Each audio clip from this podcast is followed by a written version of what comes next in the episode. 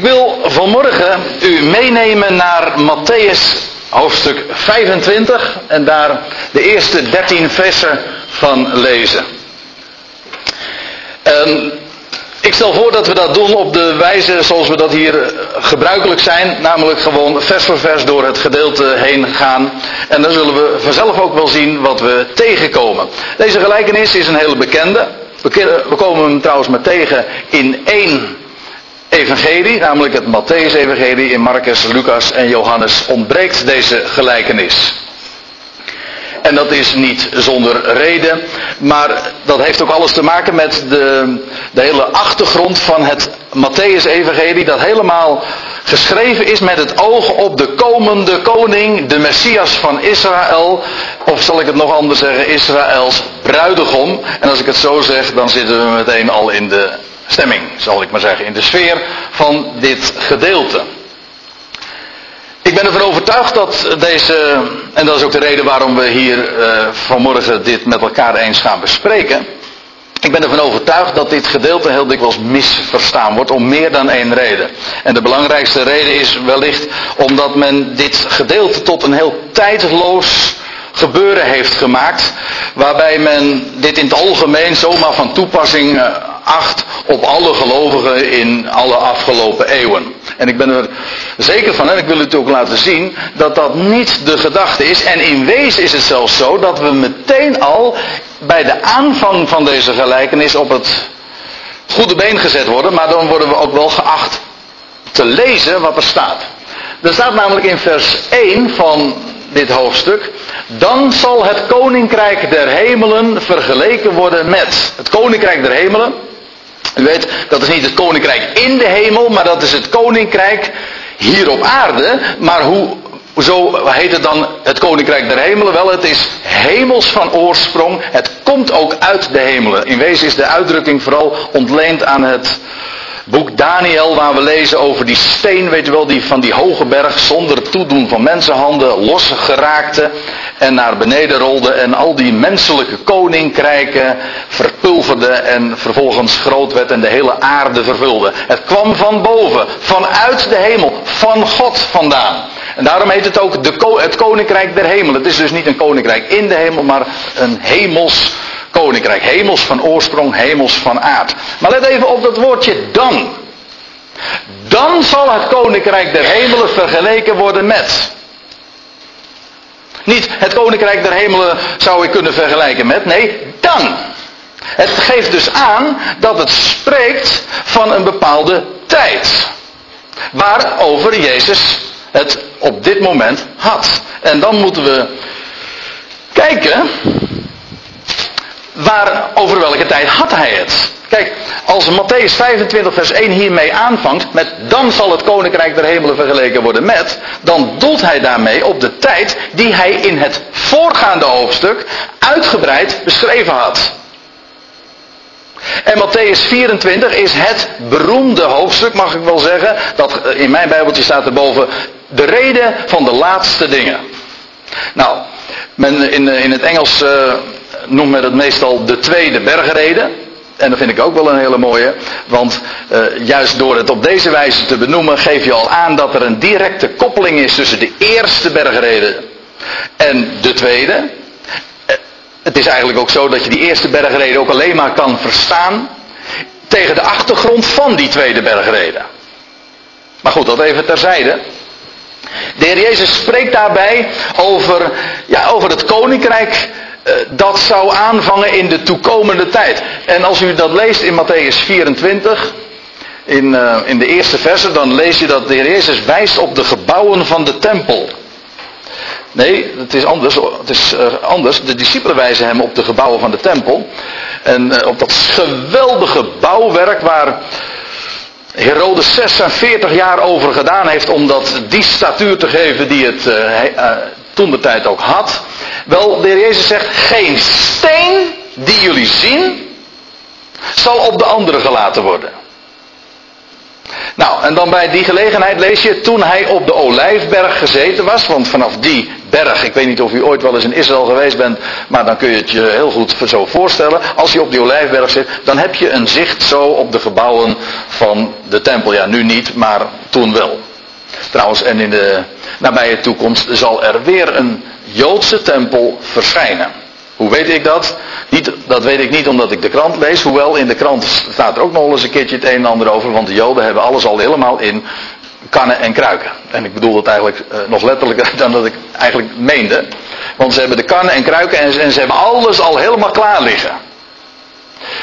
En die tempel zal weer verschijnen. De, eh, de, eh, en, de, en, de, Joden weten ook exact wat dat moet gaan gebeuren. Maar het zal ook inderdaad gaan gebeuren, want de Bijbel spreekt ook weer over een, over een tempel en over een eredienst die daar weer gehouden zal worden. Maar goed, toen hij op de olijfberg gezeten was, kwamen zijn discipelen, zijn leerlingen alleen tot hem en, hij zeide, en ze zeiden, zeg ons, wanneer zal dat geschieden? Die, die verwoesting van Jeruzalem, de verwoesting van de tempel. En wat is het teken van uw komst, van uw parousia en van de voleinding van de aion? Ja, ik heb het meteen even maar goed weergegeven, want in uw Bijbelvertaling zult u waarschijnlijk lezen de voleinding van de wereld, maar er staat gewoon de voleinding van de aion. Dat is voor sommige mensen een wat problematisch begrip, omdat ze denken dat aion een eeuwigheid is en ja, een eeuwigheid pleegt geen einde te hebben. Maar eh, ik kan u wel uit de droom helpen, in de Bijbel hebben aionen en een begin en een einde. Maar goed, uh, laten we het meteen gewoon correct weergeven. De discipelen vragen hier nogal wat. En het antwoord dat de Heer Jezus dan ook vervolgens geeft in Matthäus 24 is behoorlijk uitgebreid. En daarbij gaat hij ook uit van de kennis die de discipelen al hadden van wat de Hebreeuwse profeten hadden geschreven. Ik bedoel, dat hadden ze ook met de paplepel ingegoten gekregen. Ze wisten hoe dat zat. Dat wil zeggen, eh, de, de kennis van de profetie was daar. En, en de heer Jezus refereert in, zijn, in die reden die hij vervolgens houdt, heel dikwijls ook aan, aan, aan, aan de profetieën van Daniel. We zullen dat straks ook vanzelf nog wel zien. En het gaat er maar om, het gaat niet alleen maar over de verwoesting van de tempel, die in het verleden trouwens ook daadwerkelijk heeft plaatsgevonden. In diezelfde generatie nog trouwens.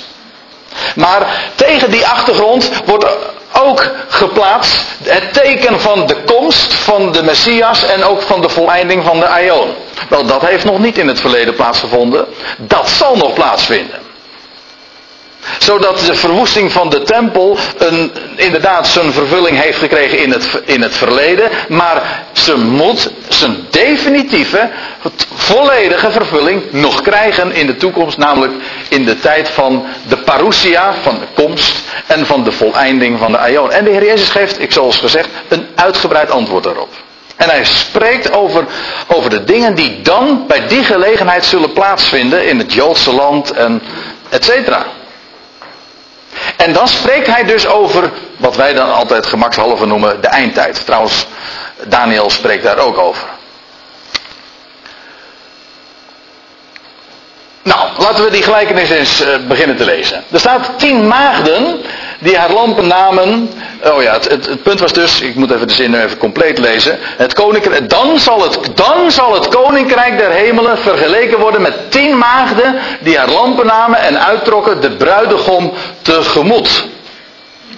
Um, ja, in wezen zijn wij hier ook op een heel bekend bijbels profetisch terrein, namelijk het, het, hele idee van, van, van de bruiloft. De, de gedachte van de bruiloft en de verwachting van een bruiloft. De Joden wisten daarvan.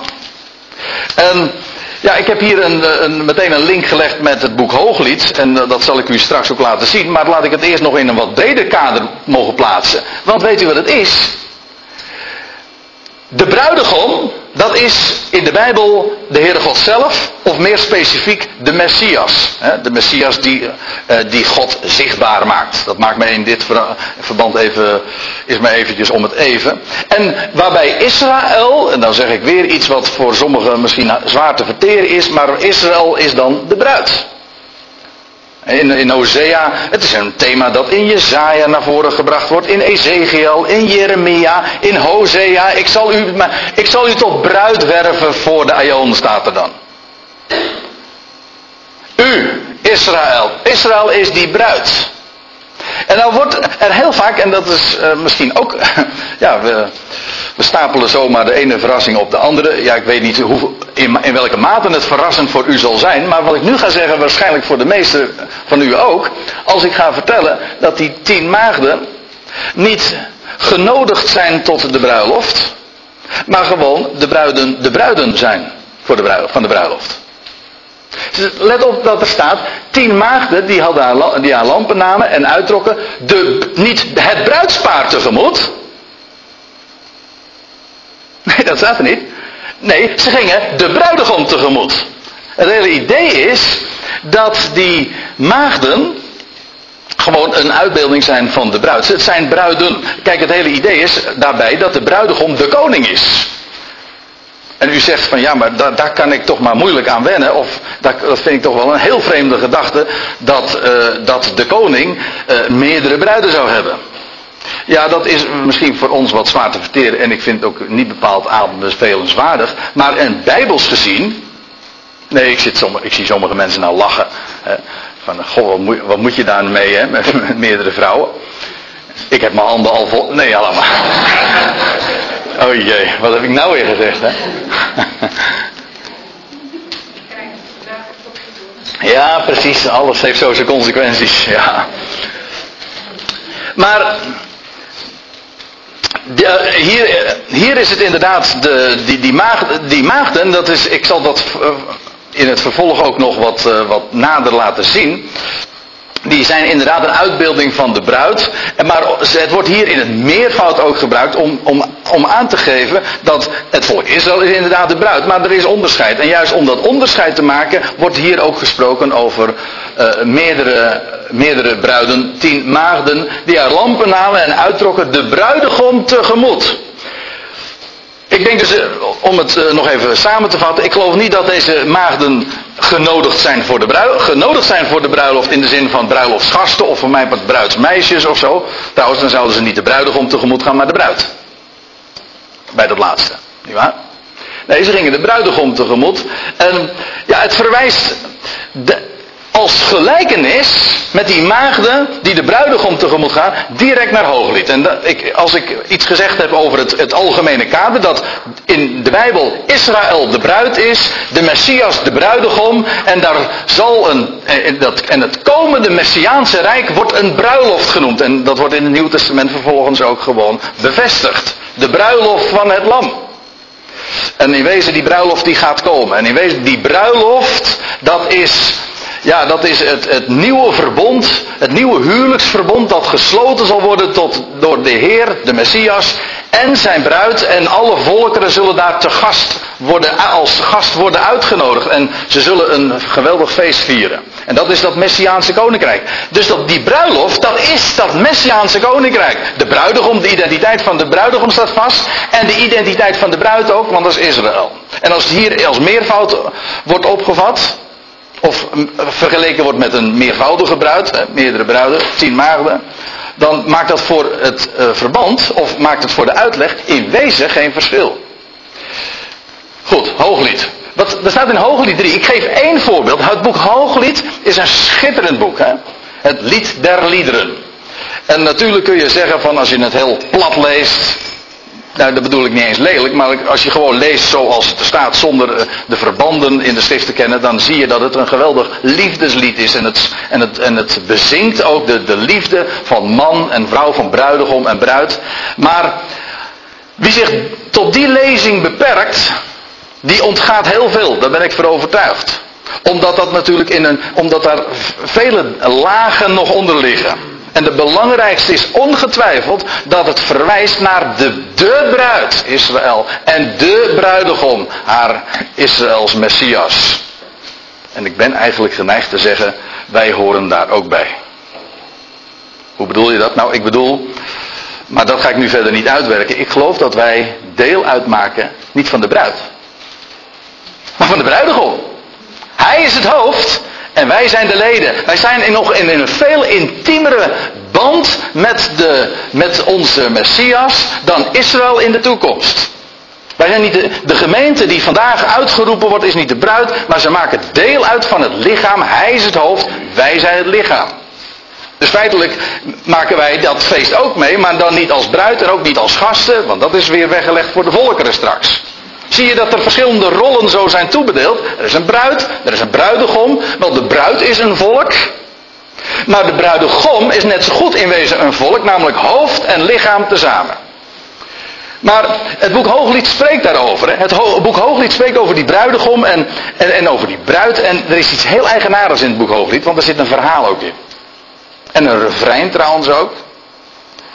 Maar het, het idee bij het boek Hooglied is, die bruid, eh, en dat zie je iedere keer weer terugkomen, die bruid is haar bruidegom kwijt. En ze zoekt hem dan ook. De bruidegom is zoek verbergt zich dan ook en, dan, dan zoekt die bruid de bruidegom. Uiteindelijk zoekt die bruidegom de bruid zelf ook nog. Maar ze zijn elkaar kwijt. Dan zie je trouwens ook al dat het geen uitbeelding is van Christus en de gemeente. Want wij zijn één en dat die eenheid tussen ons en hem is onverbrekelijk. Maar het is wel een beschrijving van het, van het volk van Israël. Dat haar Messias kwijt is. Waar is hij nou? Hij is zoek. Wel, in wezen, dat is een, dat is een thema in het boek Hooglied. Ja, dat is een lange inleiding om, te, om eventjes dit te gaan lezen. Maar Hooglied 3, daar staat, gaat uit dochters van Zion. Aanschouwt koning Salomo. Weet u wel Salomo? Dat was die vredevorst. Dat was de zoon van David. Salomo betekent shalom, hè, daar, komt, daar komt het uh, woord vandaan. Betekent vrede. Het is de vredevorst. En hij was die machtige, de machtigste koning ooit van Israël. De wees, wijze trouwens ook. De zoon van David. Met zijn vele bruiden, inderdaad ook nog. Duizend in getal zelfs. Ja. Maar, kijk, daar gaat het boek Hooglied over. Die, die maagden zijn in, wezen een uitbeelding ook. En de heer Jezus refereert in zijn, in zijn uh, in de gelijkenis die hij hier in Matthäus 25 uitspreekt, uh, aan talloze passages in het Oude Testament, waar, het, waar de verwachting van de bruidegom en de, bruid, uh, en, en de bruiloft uh, naar voren gebracht wordt. Maar hij speelt ook op het boek Hooglied. Gaat uit, dochters van Sion, dat is wat er hier aan de hand is. Dat zijn, die, dat zijn die tien maagden. Gaat uit, dochters van Sion, aanschouwt koning Salomo, die zoon van David, met de kroon waarmee zijn moeder hem kroonde, op de dag van zijn bruiloft. Op de dag van de vreugde zijn harten. En ik zet nu even uw profetische bril op zodat je niet alleen maar hier leest over de dochters van Sion en Salomo in die dagen, maar je ziet hier een plaatje van de zoon van David, de ware Salomo. Hij die meer is dan Salomo. En die dochters van Sion wel, die komen hier in Matthäus 25 ook. Op de proppen zal ik maar zeggen. Ten tonele. Nou, ik ga verder in de gelijkenis. En vijf van die maagden, staat er. En vijf van haar waren dwaas en vijf waren wijs. In het, uh, in het Grieks staat hier een woord dat elders wordt weergegeven. Elders in hetzelfde evangelie, Matthäus 10 dus, wordt het weergegeven met voorzichtig. Wees dan voorzichtig als slangen en argeloos als duiven. Het is inderdaad, het is maar niet het gewone woord voor wijs.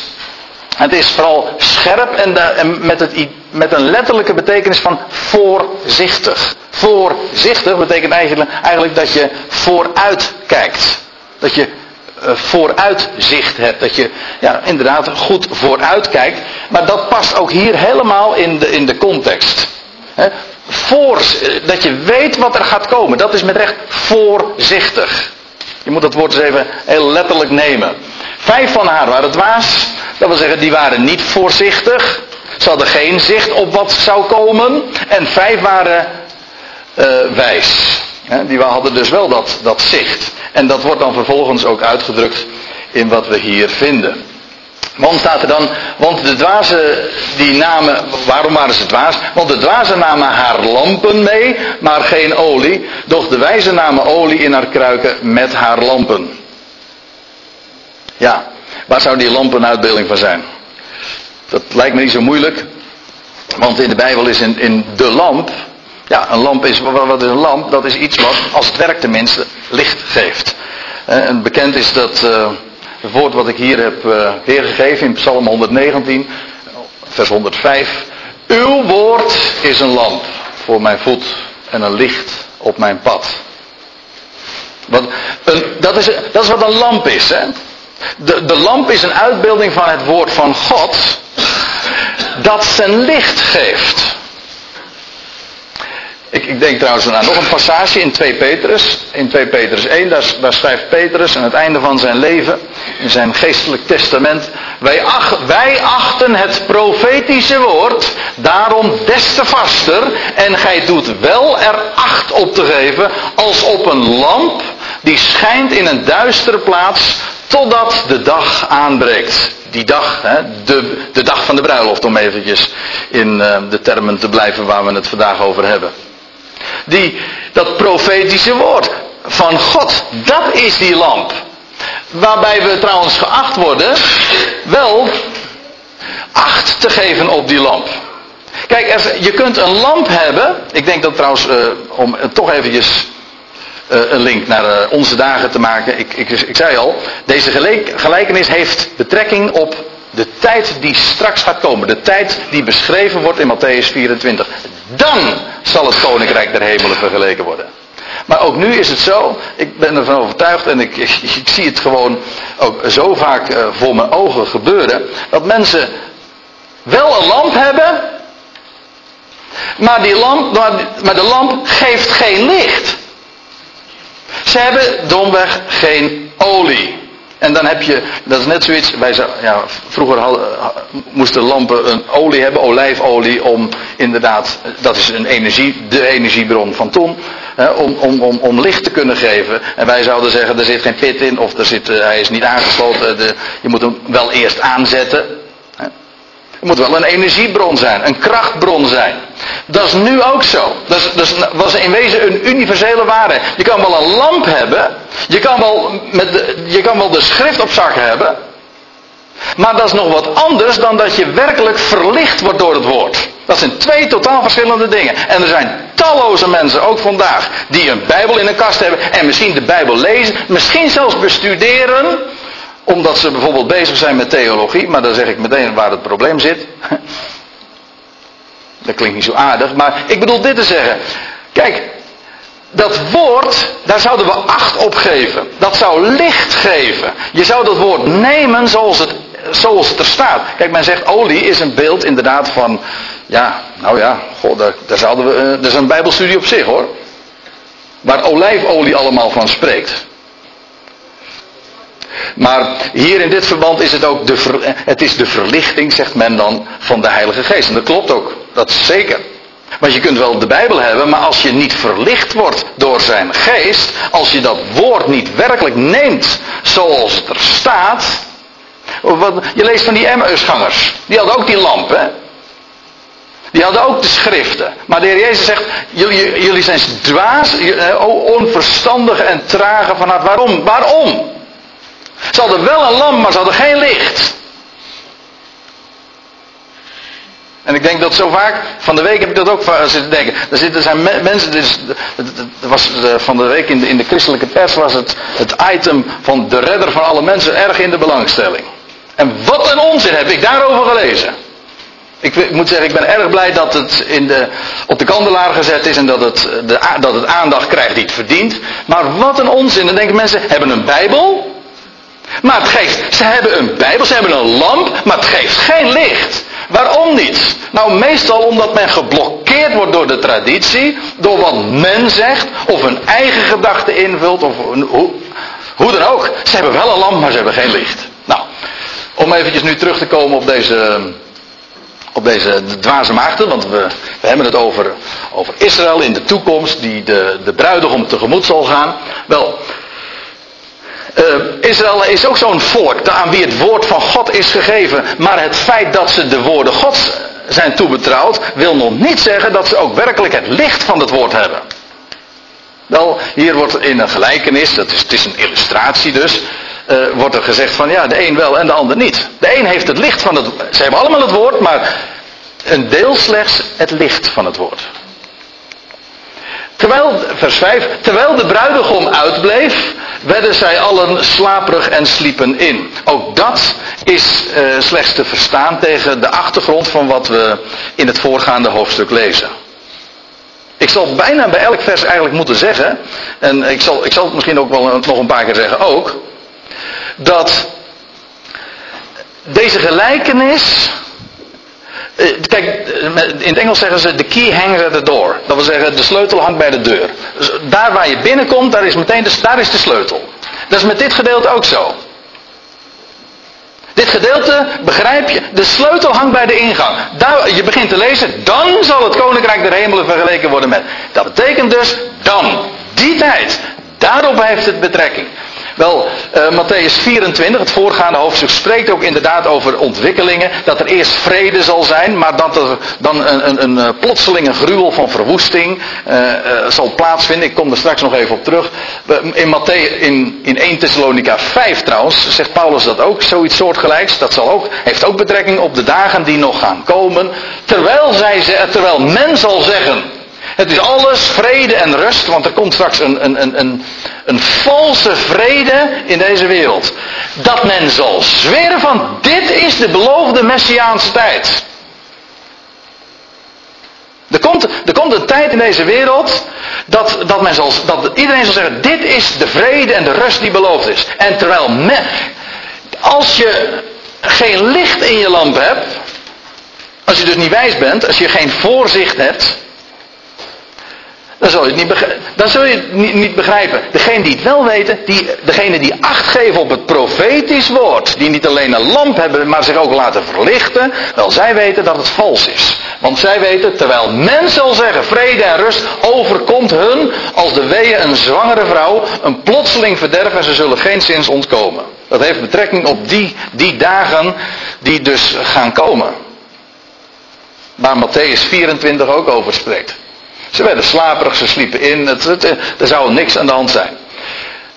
Het duurt ook al wat langer dan men misschien in aanvang verwacht had. En dan staat er midden in de nacht klonk een geroep, de bruidegom. Nee, moet ik het anders zeggen. En midden in de nacht klonk een, een geroep, de bruidegom. Zie, ga uit hem tegemoet. Niet het, ik zeg er weer even bij, niet het bruidspaar, nee, de bruidegom, maagden.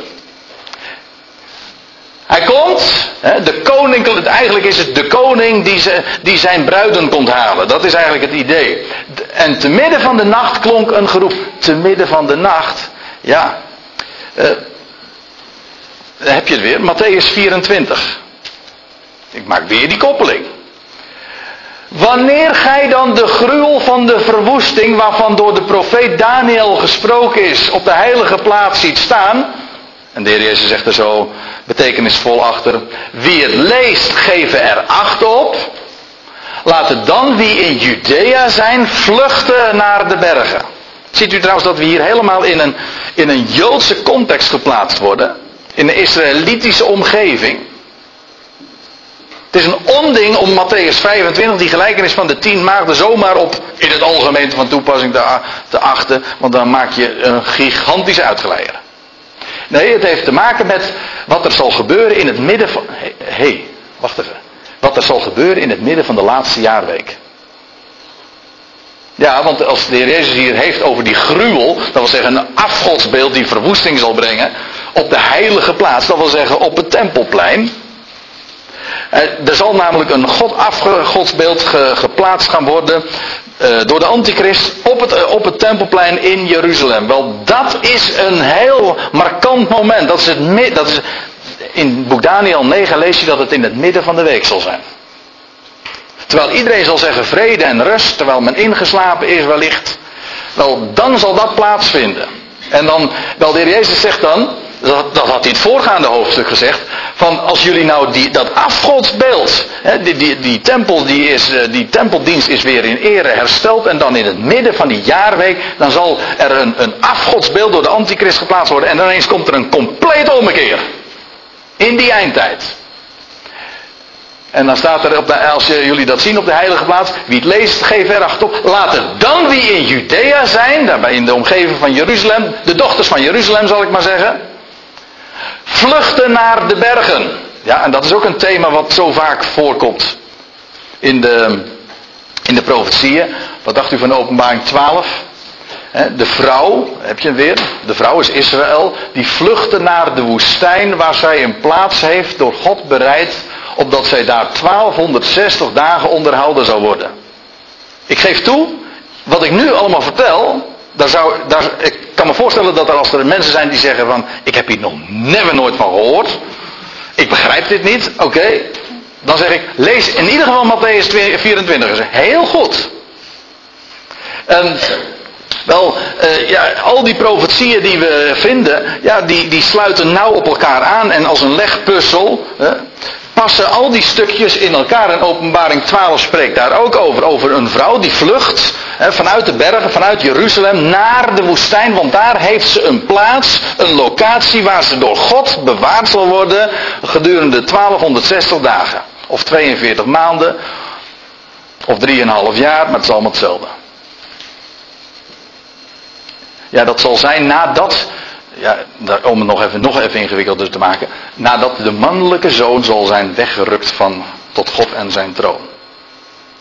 En dan geloof ik dat we het hebben over Christus en de gemeente. Nou goed, voor de goede verstaander zal ik maar zeggen. En ik lees even uh, verder. Ja, oh, want ja, waarom ga je het daarover hebben? Niet omdat dat mijn vrouw is, maar uh, kijk, Israël zal vluchten naar, naar een, een, plaats in de woestijn, in de, in, in de bergen. En we vinden die nogal eens een keertje terug. Bosra wordt ze in de Bijbel genoemd. Dat ligt er vlakbij. Schaapskooi betekent dat. Petra. U kent, kent u die, die plaats Petra? Ik hoop er ooit nog eens een keertje naartoe te gaan. Ja, uh, jazeker. Ik zal er een keer naartoe gaan.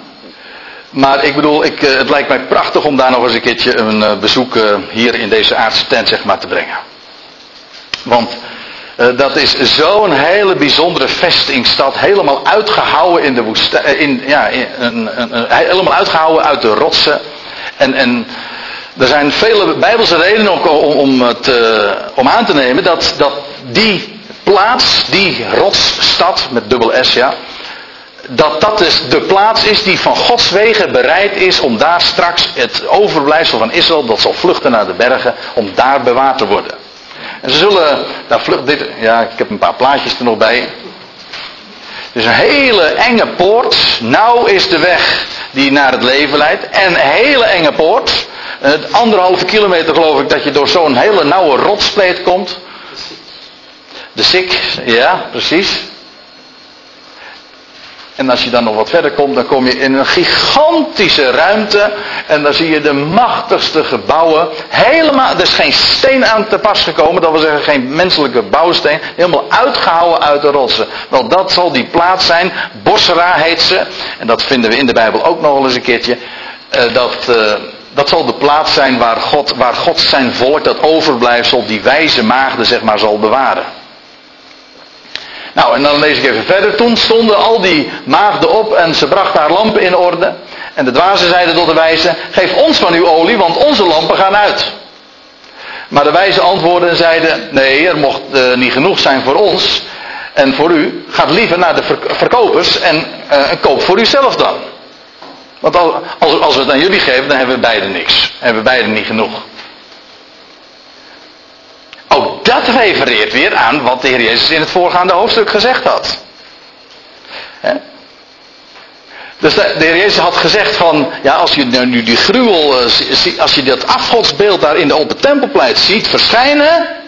Nou, wie op het dak is, ga niet naar beneden om zijn huisraad mee te nemen. En wie in het veld is, keren niet terug om zijn kleed mee te nemen. Wee de zwangeren en de zogende in die dagen. Want wat punt en bid staat er dan vervolgens nog dat uw vlucht niet op een zabbat vallen dat je niet kunt reizen, er is geen openbaar vervoer, et cetera.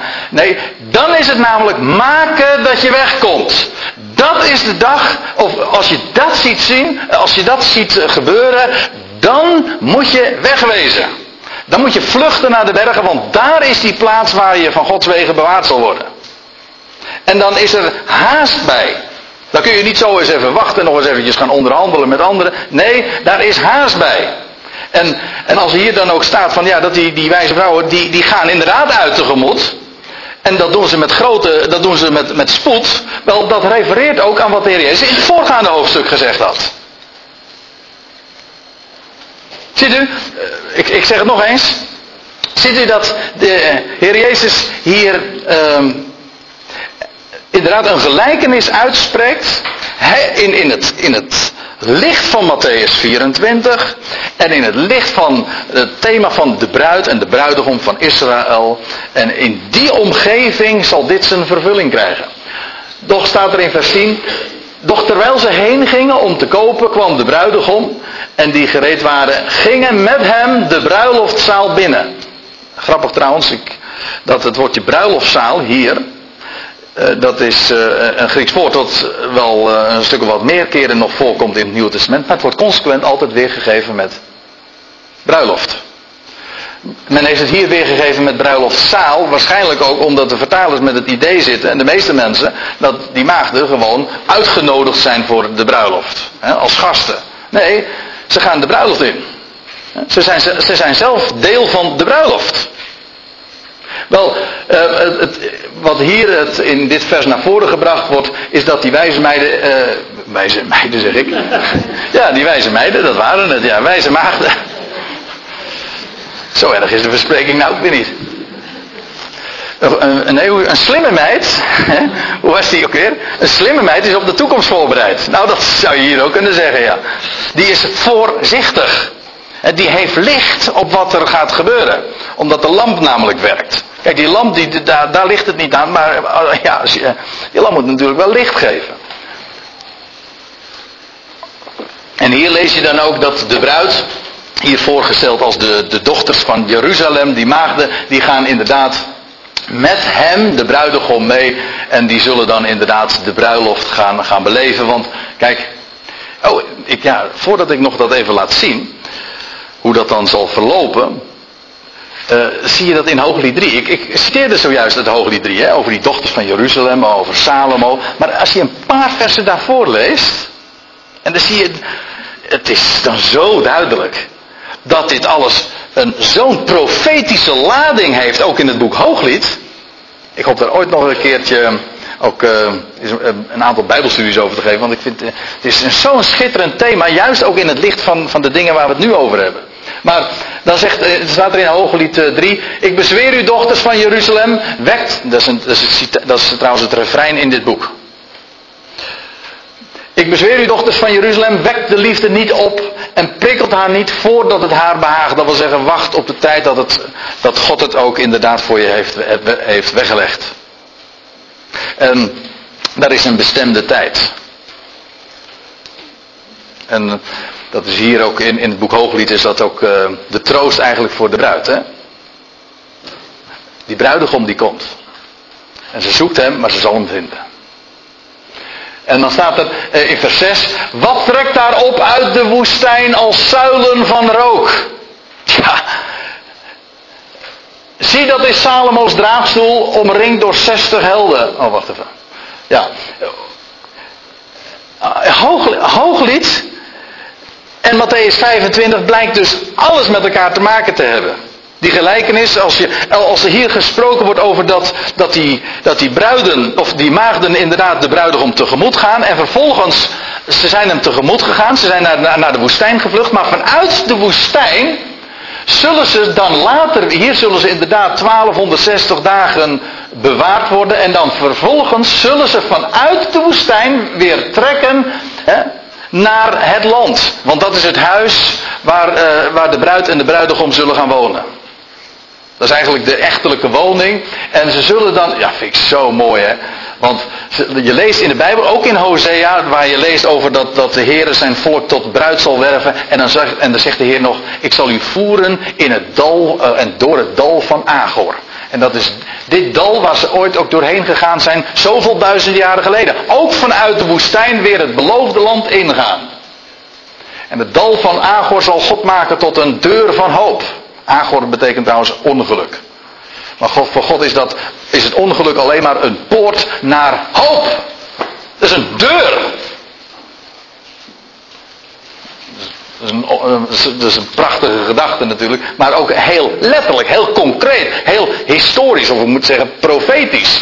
Israël zal vanuit de woestijn, vanuit Petra, zullen ze die, die, die stad, Petra betekent trouwens gewoon rots. Uh, maar vanuit die, uh, vanuit die stad zullen ze dan vervolgens weer naar het land optrekken. En ja, dat is mooi hè. Van Israël lees je in het boek Numeri al dat ze gingen langs de koninklijke weg. En al duizenden jaren heet die route van, noord, van het noorden van het Midden-Oosten naar het, het, zuiden, of van zuid naar noord, die route heet de King's Highway, zeggen ze in het Engels dan. De koninklijke weg. De weg van de koning. En waarom zou die weg zo heten? Hij heet al duizenden jaren zo. En nu nog, en ook als je nu naar Jordanië gaat, dan zie je die, dan wordt die weg zo benoemd. De King's Highway.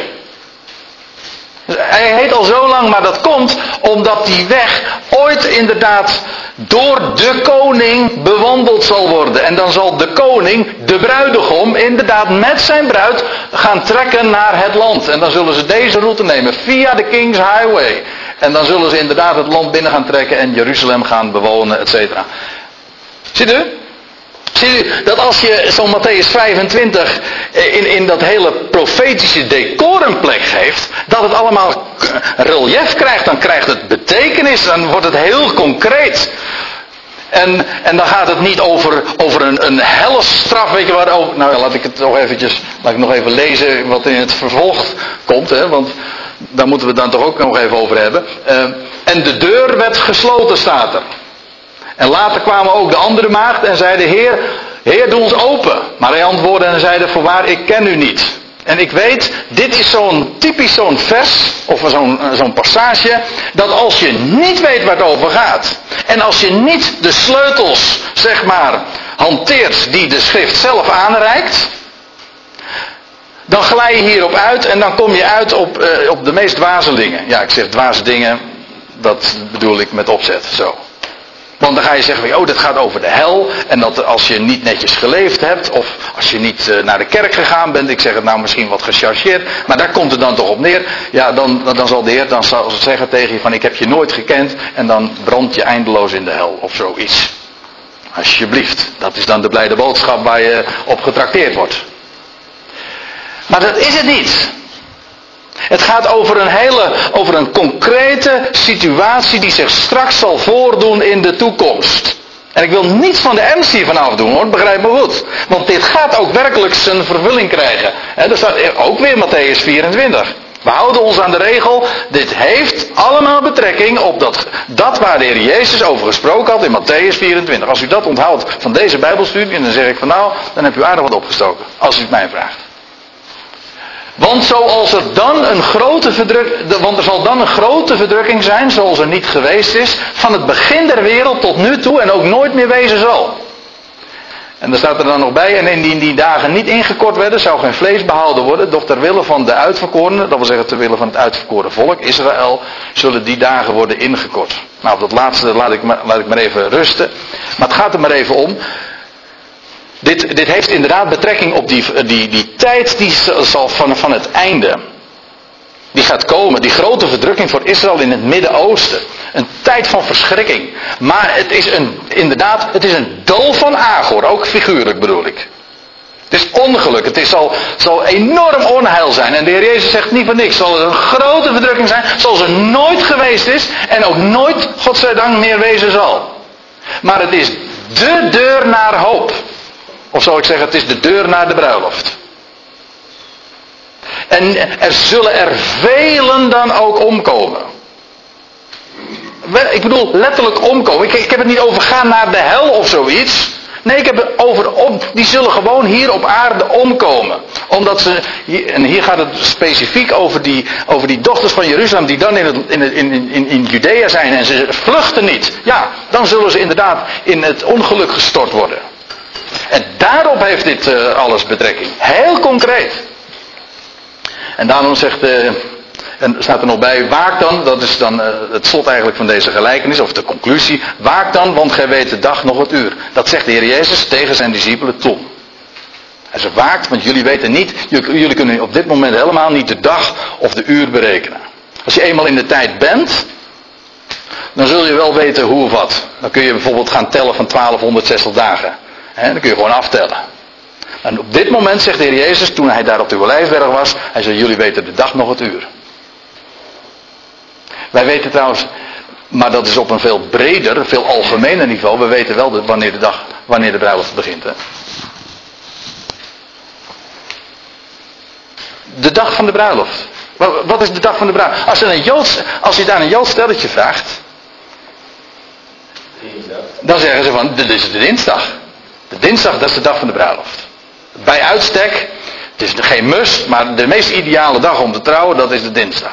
Vonden wij ook destijds. Hè? We zijn ook eh, op, de, op een dinsdag getrouwd. Toen, eh, en onze trouwtekst was dit, Johannes 1. En op de derde dag was daar een bruiloft. Dat vind ik zo mooi, hè. Dat vonden wij toen 16 uh, eh, jaar geleden al zo mooi, ja. 16,5 jaar geleden al zo mooi. En wij weten, en dat is waar, waar ik uh, vanmorgen ook mee wil afsluiten. Kijk, er valt nu ook nog helemaal niets te zeggen over de dag en over het uur. Je kunt geen datum berekenen. Ja, je kunt wel een datum berekenen, maar ik heb daar al zoveel uh, gezien hoe daar brokken mee gemaakt worden. Dat is namelijk, dan loop je op de dingen vooruit. Maar in het algemeen kunnen we wel zeggen dat wij nu na deze, na twee dagen van duizend jaren, dat de bruid Israël, de bruidegom zoek is. Waar is die? Wel, de derde dag gaat aanbreken.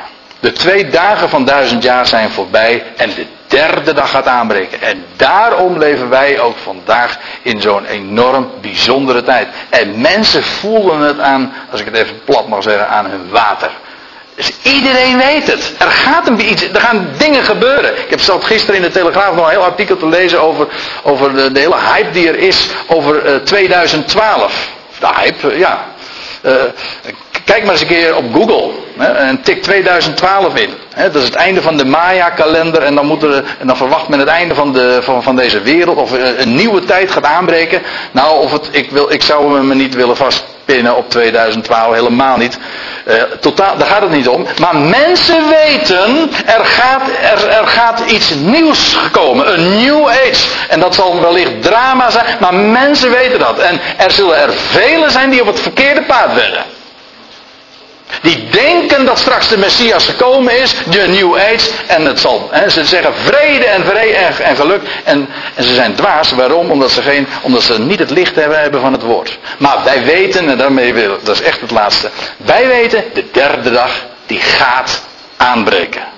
En dat is zeer aanstaande. Dat is het bijzondere van de tijd waarin wij leven. En onderwijl vertellen wij gewoon de blijde boodschap van onze God en zijn genade en van zijn redding. Ik stel voor dat we met elkaar een lied gaan zingen. Een echt profetisch lied trouwens. Ja, dat wist jij nog niet hè André? Nee, dat is een andere verrassing. Ja. Spoedig zal komen de hemelse Heer, een komst die de wereld verbaast. Ik geloof niet dat we hem hier ooit eerder gezongen hebben, maar ik denk oh, dat eerlijk gezegd dat uh, velen van u hem wel zullen kennen. En degenen die hem kennen, die zingen hem gewoon wat luider en duidelijker nog.